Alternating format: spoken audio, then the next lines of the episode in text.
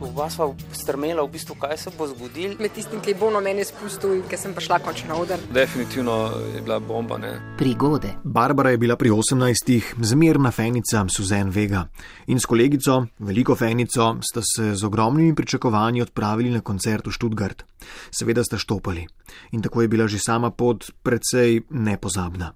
Na ljubelju jima je ustavil egipčan z egiptovskimi registrskimi tablicami. Kasneje tovornjakar, ki je imel pri vstopu v Nemčijo nekaj težav, dodatnega čakanja in preverjanja, ker je pač prevažal tako mladi štoparki.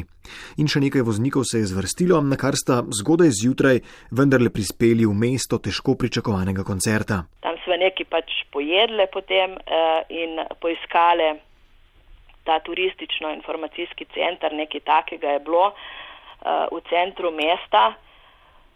Uh, kjer so potem nažalost izvedeli, da je ta koncert Suzan Vega, na katerega so bili namenjeni že kar nekaj časa razprodan. Odpravite se proti koncertni dvorani, kjer je okolica ob dokaj zgodni uri še vedno samevala. Tako čez nekaj časa so bile tam sigurno že uro in pol kaj takega, pride ta en fant in ena punca, mogoče kakšno leto starejša od naju dveh. In uh, sva že tako mal, ne, je ena iskrica upanja se uh, prižgala, da mogoče pa ne, imata karti, ne, pa bi, pa bi se dalo kaj zmeniti, ne, na kar pač smo se uh, tam uh, srečali in ugotovili, da tudi one dva iščeta sicer samo eno vstopnico, ampak sta bila približno na istem kot med dve. Nekaj kasneje pa na parkirišče pripelje avtobus z zatemnjenimi šipami.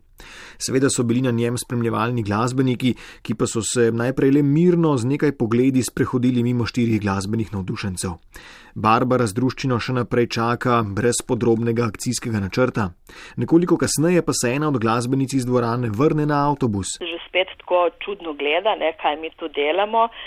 In potem, ko je prišla nazaj ven iz avtobusa, je očitno nekaj ni dalo miru in se je ustavila pri nas, ker ona ne.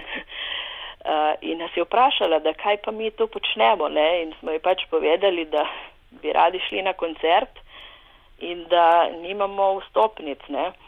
pa da odkje smo, pa tako. In uh, ko je slišala, ne, da so mede prišle na što 750 km daleč, ne, je, uh, je bila totalno šokirana in, in ushičena in ni mogla verjeti in uh, se hitro odpravlja tja nazaj v to uh, zaodarje in potem čez enih pet, deset minut prišla v z tremi VIP stopnicami.